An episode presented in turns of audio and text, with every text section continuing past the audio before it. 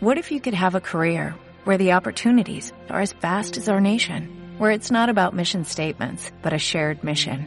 At U.S. Customs and Border Protection, we go beyond to protect more than borders, from ship to shore, air to ground, cities to local communities. CBP agents and officers are keeping people safe.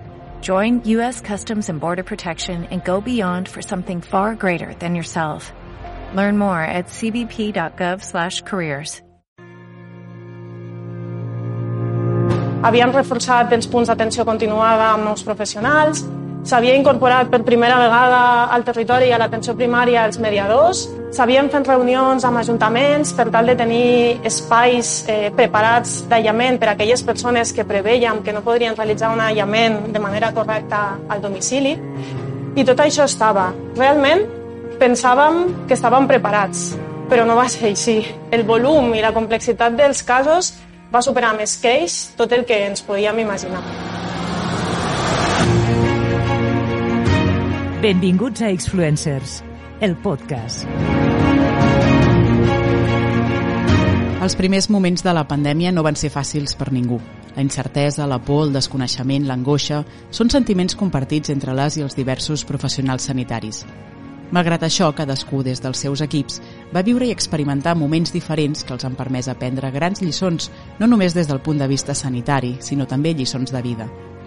Soc l'Anna Marín i en aquest segon episodi especial de la Memòria Covid posarem en valor la flexibilitat i capacitat d'adaptació de l'atenció primària, Coneixerem com van viure els nostres professionals de Lleida l'onada de contagis del juny del 2020, que va afectar sobretot els temporers que treballen la fruita, i entrarem a les residències de la mà de les nostres professionals de l'Alt Pirineu.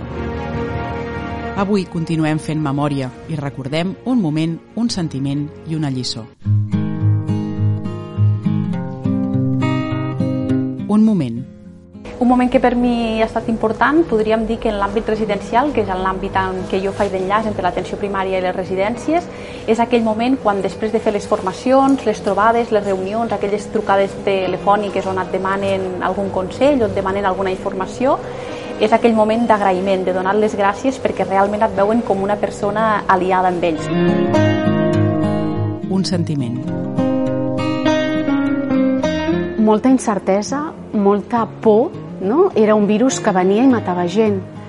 Jo estava treballant com a sanitària, jo tenia por per la meva família, la responsabilitat de fer-ho tot bé per no portar el virus a casa. Una lliçó. Que l'equip ho és tot, que hem de treballar junts per un interès comú i no pels interessos particulars. L'atenció primària, exemple de flexibilitat i resiliència. L'equip d'atenció primària d'Artés és un equip rural que està situat a la Catalunya central. L'àrea bàsica de salut comprèn sis consultoris i donem atenció a 11.500 habitants, 350 dels quals es troben en tres residències d'avis. Rosa Ferrés, metgessa de família de l'EA Partés.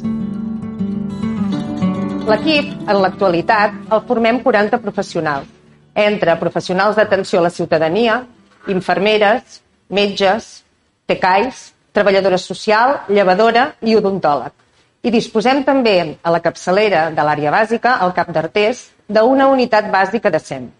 L'atenció que oferim a la població és 24 hores al dia, 365 dies a l'any. Jo us explicaré l'experiència del nostre equip, com podria haver estat qualsevol, de qualsevol altre equip de Catalunya. Però sí que hem d'estar orgullosos la primària perquè hem estat exemple de flexibilitat, d'adaptacions ràpides als canvis, de protocols, que no han estat pocs, de cribatges, de vacunacions. La primària no hem estat mai tancats i no hem deixat desatesos a la població.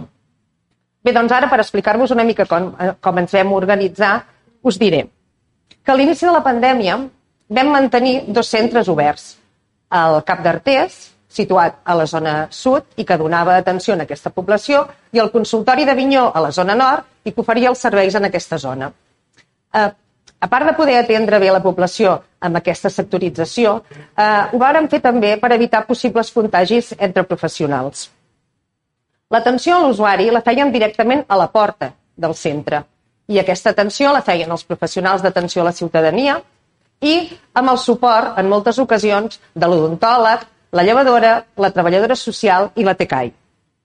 Vàrem crear un circuit de balisa pels productes de diabètics i material de cures. Ens vàrem posar en contacte amb, amb les regidories de sanitat dels diferents ajuntaments i amb les oficines de farmàcia. Els usuaris es posaven en contacte amb el centre per via telefònica eh, fent la sol·licitud del material que necessitàvem. Eh, degudament els hi preparàvem, ho etiquetàvem i el podien recollir en el cas de l'oficina de farmàcia, si era com s'havia fet en aquell territori, o en les dependències dels ajuntaments. Aquesta balisa era diària si, si feia falta. Pel que fa a la recollida eh, d'altres eh, productes de farmàcia i a la compra d'aliments i altres productes de primera necessitat en aquells pacients amb Covid i que estaven a casa i no tenien suport, la treballadora social és qui es posava en contacte amb els diferents serveis socials dels ajuntaments per poder-ho coordinar a través de voluntaris o a través de professionals dels mateixos serveis socials. Pel que fa a la validació i renovació de recepta electrònica i les ITs, Eh, nosaltres, abans de la pandèmia, ja fèiem renovació proactiva, amb la qual cosa vam evitar que hi hagués aquesta sobresaturació que ja ens havia produït tant de línies com els taulells eh, la pròpia Covid. A finals del 2020 vàrem reiniciar les extraccions d'analítiques de pacient crònic i vàrem adaptar un accés diferent al centre per a aquests usuaris, perquè no haguessin d'interaccionar amb els usuaris que venien per d'altres consultes. Infermeria va reprendre el seguiment del pacient crònic i també es van eh, reiniciar de nou les revisions dels nens i les vacunes sistemàtiques. L'odontòleg va començar a fer també visites presencials. Pel que fa a l'atenció al puerperi i a l'embaràs, seguíem els protocols establerts. Es feien seguiments telefònics i quan calien es feien les visites presencials. L'activitat grupal que es feia presencial, prepart i postpart, va passar a fer-se en plataforma online, activitat que encara es du a terme ara. Pel que fa a l'atenció als addoms, es va portar a terme per una infermera que feia la domiciliària de la zona nord i una altra infermera que feia la domiciliària de la zona sud. L'incorporació de nous professionals d'infermeria en el centre va fer que poguéssim crear una agenda de seguiment i atenció al malalt Covid en torn de matí i en torn de tarda. Vàrem crear la figura d'enllaç entre l'equip i les residències.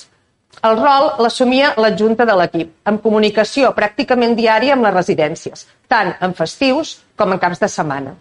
Aquesta comunicació va ser crucial per poder atendre les necessitats tant assistencials com de material, com de sectoritzacions quan hi va haver eh, pacients de Covid a les residències.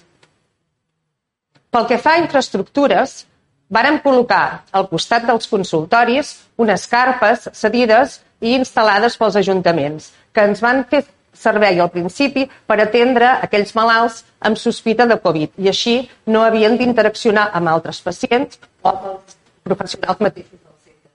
Aquestes carpes actualment les fem servir per fer-hi els TARs i les PCRs. Es van incorporar a l'equip nous, nous professionals, gestor Covid, RECO i TECAIS per fer els cribatges. A mitjans d'octubre vàrem obrir tots els consultoris i vam oferir activitat i horari com abans de la pandèmia. I el gener del 21 va arribar la vacunació. Vàrem començar amb els pacients ad-dom, que els vàrem distribuir i vacunar en funció de la zona geogràfica, carrer, on vivien. Més complicat va ser i ens vam haver de reinventar per anar a vacunar a les masies. En aquest cas, el que vàrem fer va ser, previ consentiment dels propietaris de la residència, citar, perdó, de les masies, citar en aquests, eh, en aquests usuaris en una masia. Ens, eh, es traslladaven els pacients en cotxe en aquesta masia i així podíem fer més vacunacions alhora. No havien ni de baixar del cotxe perquè els poguéssim vacunar. Al pàrquing del costat del, del centre, del Cap d'Artés, vàrem instal·lar un circuit de vacunació amb cotxe que li vàrem posar el nom de Bacauto. Eh, aquest circuit estava degudament senyalitzat. Vàrem instal·lar una carpa, com la que teníem a l'altra banda, per fer les valoracions de pacients eh, i després més endavant els TARs, i eh, el cotxe arribava, eh, esperava davant, davant la, la carpa i d'aquesta manera eh, el, el professional d'infermeria podia vacunar els usuaris que estaven a dins del cotxe i no havien de sortir. Degudament senyalitzat, s'esperaven en aquest pàrquing els 15 minuts post-vacuna. Més endavant, aquesta instal·lació la varen fer servir per fer els cribatges poblacionals. Quan la vacunació es va obrir a altres franges d'edat, varen poder utilitzar les instal·lacions municipals dels altres pobles. La clau per poder fer aquesta gestió ha estat la comunicació que hem mantingut durant aquests dos anys amb el SAP, els ajuntaments, les residències, les oficines de farmàcia i la SUBEC. També imprescindible aquesta comunicació amb l'equip, la flexibilitat i la resiliència que han tingut. I també, com no, el vincle amb la població, que com ja he dit abans, ens eh, oferien mascaretes, gorros, ens portaven menjar i s'han adaptat a les necessitats que hem tingut aquesta, en aquestes ocasions i a les noves agendes i noves formes d'atendre'ls. La lliçó apresa.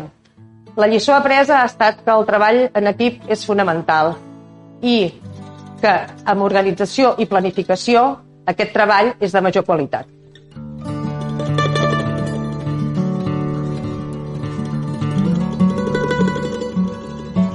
La pandèmia a Lleida, surfejant noves onades. Doncs no podíem tenir millor títol que el de Lleida surfejant noves onades perquè quasi sense adonar-nos en vam tenir una i a Lleida ja en portem set. Núria Campa, pediatra de l'EAP Alcarràs. Totes han set eh, diferents, complexes, algunes més fàcils, altres més difícils, però l'onada de l'estiu 2020 va golpejar amb força la, el nostre territori eh, i especialment les comarques del Baix Segrià.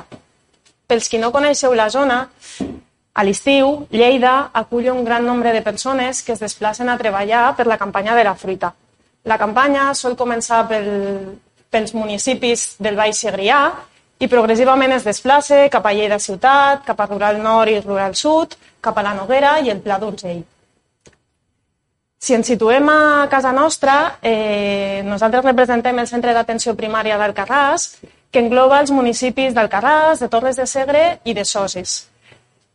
A l'estiu, i quan ens arriba tot aquest volum de persones que es desplacen per treballar la fruita, l'atenció sanitària al centre es pot arribar a duplicar. Cap al juny del 2020, que és el que nosaltres us venim a explicar, just ens trobàvem en aquella fase de desescalada per fases de la primera onada de la Covid i de cop, eh, quan tot semblava que podíem començar a recuperar la mobilitat, doncs a les Terres de Lleida va començar una onada que ens marcaria per sempre. És difícil explicar-vos en paraules tot el que vam viure en aquella època. Ho intentarem de la millor manera que ho puguem transmetre, tot comença cap a mitjans del juny del 2020.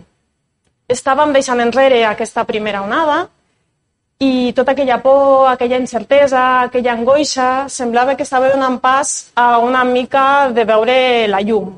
Però la veritat és que aquesta alegria ens va durar poquet. Portàvem setmanes ja preparant eh, amb reunions aquesta arribada de persones que arribarien, que arribarien a la nostra zona havien reforçat els punts d'atenció continuada amb nous professionals, s'havia incorporat per primera vegada al territori i a l'atenció primària els mediadors, eh, Lleida Ciutat, a veces com Cervera, eh, Malcarràs i Serós van incorporar aquestes figures. S'havien fet reunions amb ajuntaments per tal de tenir espais eh, preparats d'aïllament per a aquelles persones que preveien que no podrien realitzar un aïllament de manera correcta al domicili. I tot això estava. Realment, pensàvem que estàvem preparats, però no va ser així. El volum i la complexitat dels casos va superar més que ells tot el que ens podíem imaginar. I no ens va quedar una altra. Al final el que vam fer és reorganitzar-nos.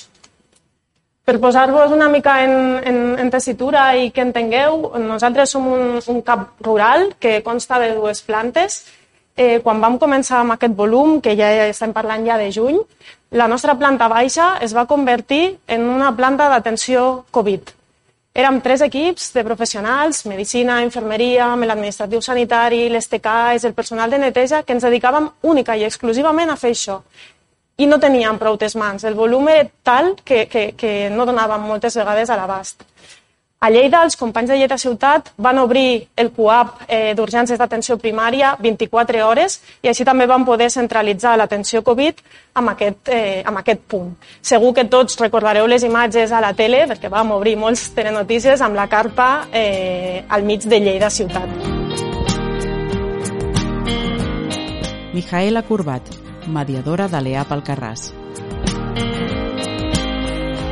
fem la, fem la mirada enrere no? i se'ns posa la pell de gallina. No? L'atenció al pacient s'iniciava al taulell on, on s'intentava identificar la persona, que en moltes ocasions era una tasca ben difícil, ja que en les persones la majoria no disposaven de CIPs, no disposaven de cap document identificatiu o simplement no sabien l'idioma. Bé, un cop feta la, la valoració sanitària, en, la majoria de casos s'havia de fer una valoració del domicili per conèixer amb qui vivia aquesta persona i conèixer els seus contactes. Bé, un cop la de detectada aquesta necessitat de, de fer la valoració del domicili, teníem molt clar que sola no hi podia anar a visitar aquest domicili. I ens coordinàvem amb personal del SOC, com a policia local, o alguna companya que, que també en aquell moment m'acompanyava. Bé, era, a vegades era tot un misteri descobrir on aquesta persona vivia, ja que mm, adreces incorrectes o inexistents, o simplement la persona no era capaç d'explicar-te amb quina casa o amb quin carrer o amb quin poble vivia, no? dels que cobríem nosaltres. Iniciàvem tota una investigació, preguntant als centres dels ajuntaments, preguntant veïnatges, preguntant mm, a la, a, la, a la policia local, Bé, al final un cop aconseguíem, anàvem al domicili i preguntàvem pels contactes d'aquestes persones. Fem la recollida de, de les dades i fem tot escrit a mà, perquè en aquell moment no disposàvem d'accés a tots els programes i fem tot a mà. I recollíem tota la informació que pensàvem o consideràvem que ens pogués ser útil quan arribàvem al centre pels professionals sanitaris. Telèfon mòbil, el parentiu, passaport, DNI, ni el que sigui, tot. Ens interessa tot, telèfon mòbil, tot. Bé, un cop fèiem aquesta recollida de dades, amb el permís de la persona, eh, entrarem al domicili per veure les condicions, perquè, òbviament, els protocols marcaic, l'aïllament s'havia de dur a terme en una habitació, disposar d'un quarto de bany per, per tu, i, efectivament, en la majoria de casos, mmm, no, les condicions de les vivendes eren pèssimes gent dormint al, al terra, amb matalassos, no hi havia ventilació, vivint 15, 20 persones amb llocs molt reduïts i tornàvem a activar altres coordinacions amb altres persones. Teníem, disposàvem d'uns dels allotjaments que, com es va, ens va comentar la Núria, que els tenim a disposició per a aquests casos, la, eren la majoria. Em posava en contacte amb la persona responsable d'aquests allotjaments comprovar si hi havia lloc per a aquestes persones, per, les, per la o les persones contagiades i pels seus contactes. Un cop efectivament comprovar que aquestes persones hi podien anar cap allí, es tornava una altra dificultat i era si la persona podia traslladar-se traslladar-se fins al fins a l'allotjament o no. La majoria de casos no es podia traslladar efectivament i hauríem, havíem d'activar altres coordinacions que de trucar tots els serveis que teníem en aquells moments a disposició per portar aquestes persones al, a l'allotjament. Destacar que en moltes ocasions em trobàvem que les persones, eh, a l'inici potser no tant, però a mesura que es van a conèixer les situacions, tenien molta por a, a acceptar l'enfermetat o, o, o tenien molta por a, a explicar-te on vivien, no? Per, per no, per no quedar-se sense feina, perquè al final ells estaven aquí per, per treballar i per, per mantenir la seva família. Hi van haver tantes històries, tants relats de vida, que, que sabies que hi havia moments que potser amb, que potser amb abraçades, perdoneu, eh? que potser amb una abraçada es podia elogiar, però el Covid no va permetre. Bé, perdoneu. Bé, mm, donar durant la, aquesta onada et donaves compte que, que la necessitat, l'amor i la família ja ho sabem que ens fa moure muntanyes, però vam descobrir realment que hi havia persones que estaven disposades a viure en condicions inhumanes per poder sostenir i poder mantenir aquella família que estava en una altra terra i lluny d'ells. Bé, van ser dies de llàgrimes de camí a casa, quan ningú ens veia, dies de cansament extenuat, dies, dies on conciliar la son era impossible, però bé, volem quedar amb tots els somriures d'aquelles persones quan aconseguim adaptar-nos a aquella persona i a aquelles circumstàncies que ella tenia i els seus agraïments. A més, a més de tot aquest gran volum de visites i de tota aquesta feina de camp que ens ha explicat la Mijaela, cal afegir totes aquelles trucades de seguiment de l'agenda coronavirus que teníem, tant dels pacients que estàvem visitant com d'aquelles llistes interminables de contactes i de positius que ens arribaven a diari. El volum era tan gran que companys d'altres territoris es connectaven remotament a les nostres agendes per tal d'ajudar-nos. En nom de tots els professionals de l'atenció primària de Lleida, us volem donar les gràcies. Gràcies a tots els companys de l'Alt Pirineu, de la Catalunya Central, de Girona, de Barcelona, de les metropolitanes nord i sud, de Tarragona i de Terres de l'Ebre. Gràcies de tot cor, perquè realment en aquells moments no us imagineu el suport que ens vau donar. Hi ha altres històries, d'altra banda, us podríem explicar totes les problemàtiques que vam tenir amb les baixes laborals. No, no ens allargarem massa, crec que tots en sou coneixedors, però només destacar-vos que eren persones, com diu la Micaela, que venien sense CIP o amb un CIP provisional, en el que no sabien en quina empresa treballaven ni tan sols quin era el seu número de seguretat social. Per tant, tot això volcava una feina administrativa ingent a, als equips. I a més a més en aquell moment no es podien descarregar la meva salut, ni tan sols tenien correu electrònic. Per tant, el volum era eh, enorme. A més a més, en aquest moment no, no teníem una, un diagnòstic ràpid, no teníem els tests antigènics a, al nostre abast, per tant eren tot PCR si teníem una sospita i en els millors dels casos t'arribàvem quatre dies, per tant implicava que el, la sospita, la persona sospita de Covid i tots els seus contactes estessin aïllats. Ahir hi ha persones que venen a treballar, és molt complicat aquesta logística. Tot això, tot aquest treball de camp ens va fer adonar que ens faltava alguna cosa més. Teníem l'equip, l'equip sanitari, teníem els mediadors que havíem incorporat, però necessitàvem treball de camp, necessitàvem algú més que ens ajudés a gestionar tots aquests contactes que ens ho estàvem fent nosaltres.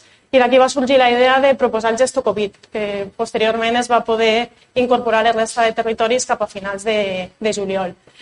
Realment vam ser titular a, a la premsa, a la ràdio, se començaven els telenotícies doncs, per Lleida i, i per Alcarràs, vam ser l'epicentre de, de la segona onada.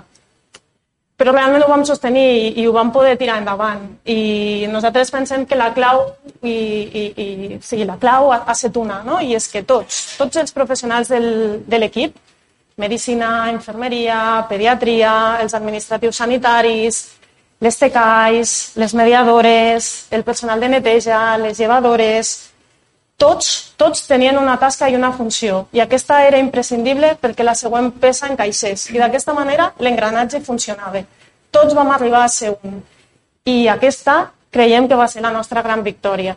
Bueno, I de cop arribem a, setembre sense quasi ni haver pogut respirar, no? van, anar, van anar succeint noves donades a, no? de manera més global a tot el territori. Quan ens donem compte, tornem a estar a les portes de la campanya en la fruita.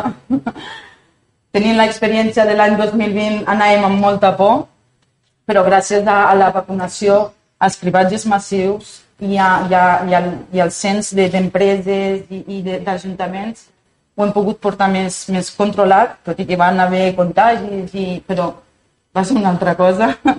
No va superar el 2020.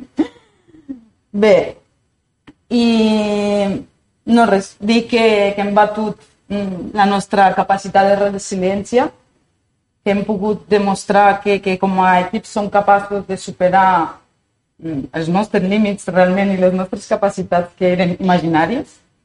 I amb la onada del 2020 ho vam comprovar, que aquests límits eren imaginaris. I que sentim un orgull immens de formar part de, de l'atenció primària. Volem reafirmar que cal cuidar-la perquè el seu valor és incalculable. pair el que hem viscut i no serà fàcil. Eh, L'impacte emocional i físic d'aquella onada no l'oblidarem mai, però ens quedem amb l'esforç, amb la unió, amb la entrega humana i amb la professionalitat del nostre equip, que malgrat estar fosos, ho vam donar tot per seguir endavant. I ho vam fer junts, i això ho recordarem sempre.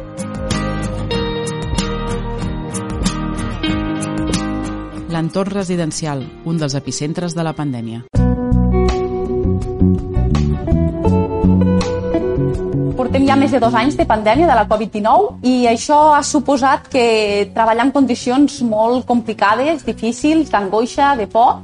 Tot i aquesta por, els professionals hem estat al peu del canó, demostrant entrega i professionalitat. Laia Martí, infermera responsable de residències a l'Alt Pirineu. En les residències de, de gent gran o en els centres residencials eh, s'han emportat segurament la pitjor part, com amb d'altres, no? La pitjor part pel fet de que les persones que hi viuen són gent molt vulnerable i que aquesta pandèmia, aquest virus de la Covid-19, ha afectat a un gran nombre de persones. Aquesta pandèmia el que ens ha aportat és una manera, un canvi en la manera de treballar. Ens hem hagut d'adaptar a treballar d'una manera diferent. Ens hem hagut de, de, de trobar en situacions que no eren gens fàcils i treballar dins d'uns EPIs que sí que ens protegien, però alhora ens feien la feina del dia a dia molt més carregosa, eh, molt més incòmoda, molt més calorosa, com hem dit, treballar tantes hores dins d'aquells no? d'aquelles granotes era bastant insuportable. Tot i això, hem sapigut gestionar aquesta incertesa i aquesta por i, i fer la feina que ens tocava.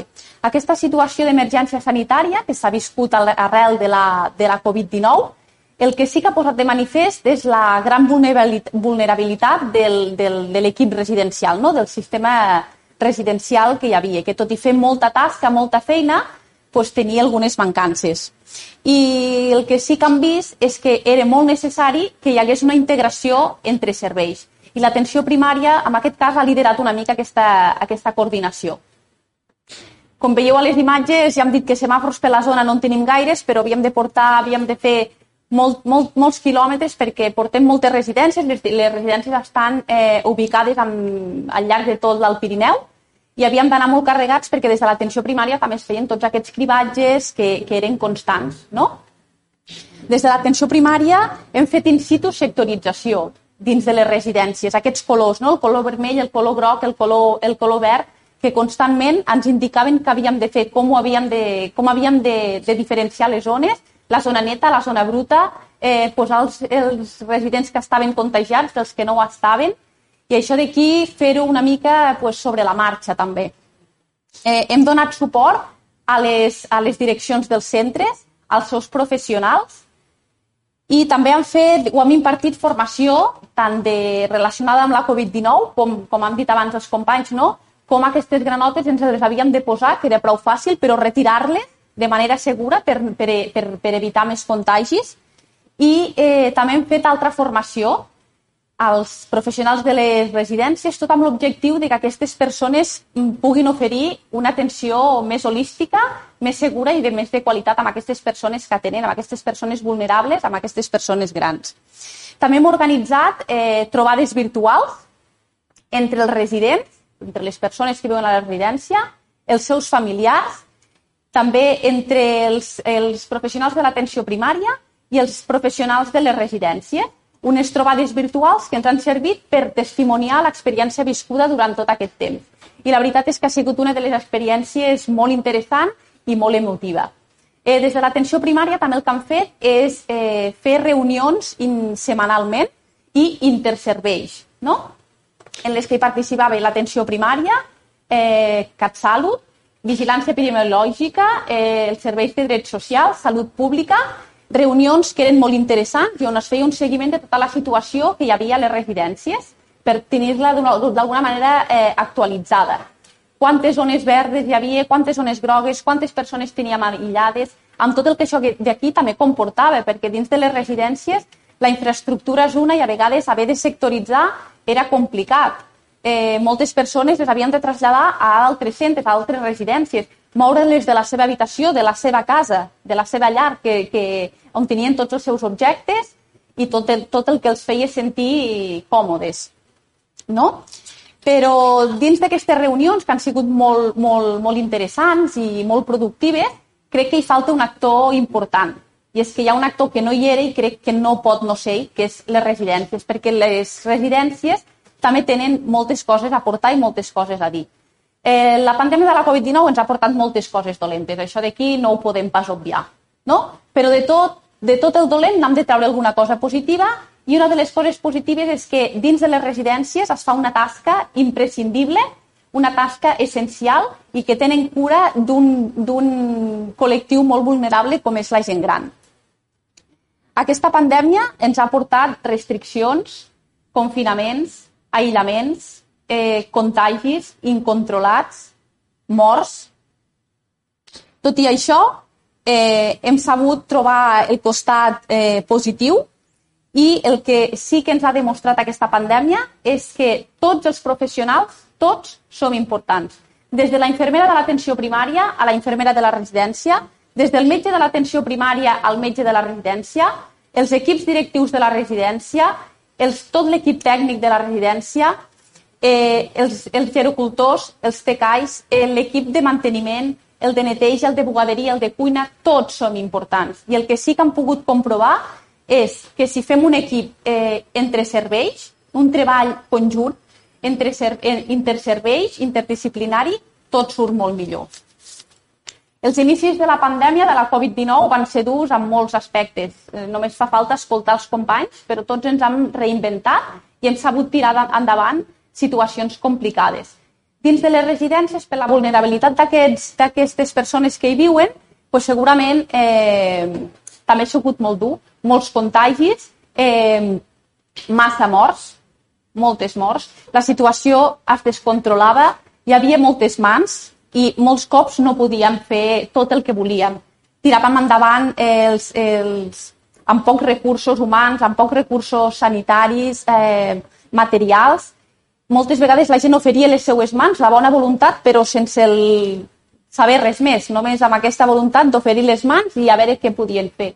Però havíem de conèixer nous circuits, nous protocols, eren constantment canviants. El que sí és, el, ha quedat molt clar és que necessitem un treball interdisciplinari, hem d'estar tots units i que aquesta relació que hem iniciat amb les residències és una relació que ha vingut per quedar-s'hi perquè és molt important. És molt reconfortant que des de les residències, les direccions i els mateixos professionals et diguin que, que se senten, eh, que, els, que els tenim en compte, que se senten a, acompanyats, amb complicitat amb l'atenció primària. I això és molt reconfortant. A mi m'han arribat a dir moltes vegades que per primer cop han sentit com algú entrava a casa seva però per oferir-los una mà estesa. Una manera de treballar col·laborativa que feia molt, molt temps que venien reclamant ja ho veieu, pandèmia, persones, colors, uns colors que durant tota la pandèmia han estat presents i que ens han tingut a nosaltres atents de, per saber com havíem d'actuar i com havíem de procedir. Verd, vermell...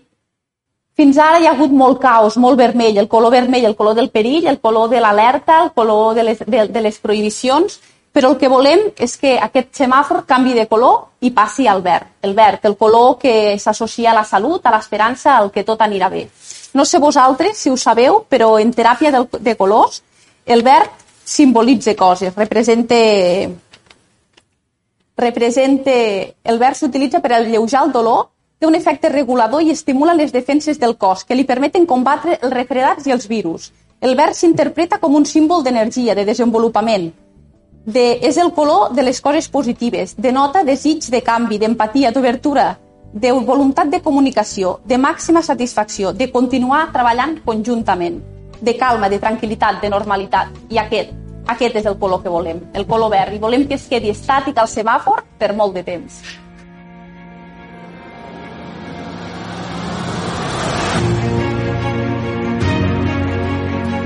Aquestes han estat algunes de les històries que ens han explicat aquesta setmana en les conferències organitzades per l'ICS per commemorar aquests dos anys de pandèmia. Si les voleu recuperar, podeu fer-ho al web X Memòria Covid. Nosaltres tornem amb més experiències la setmana vinent. Adeu. Recordeu que podeu seguir cada setmana els influencers a les xarxes socials de l'ICS.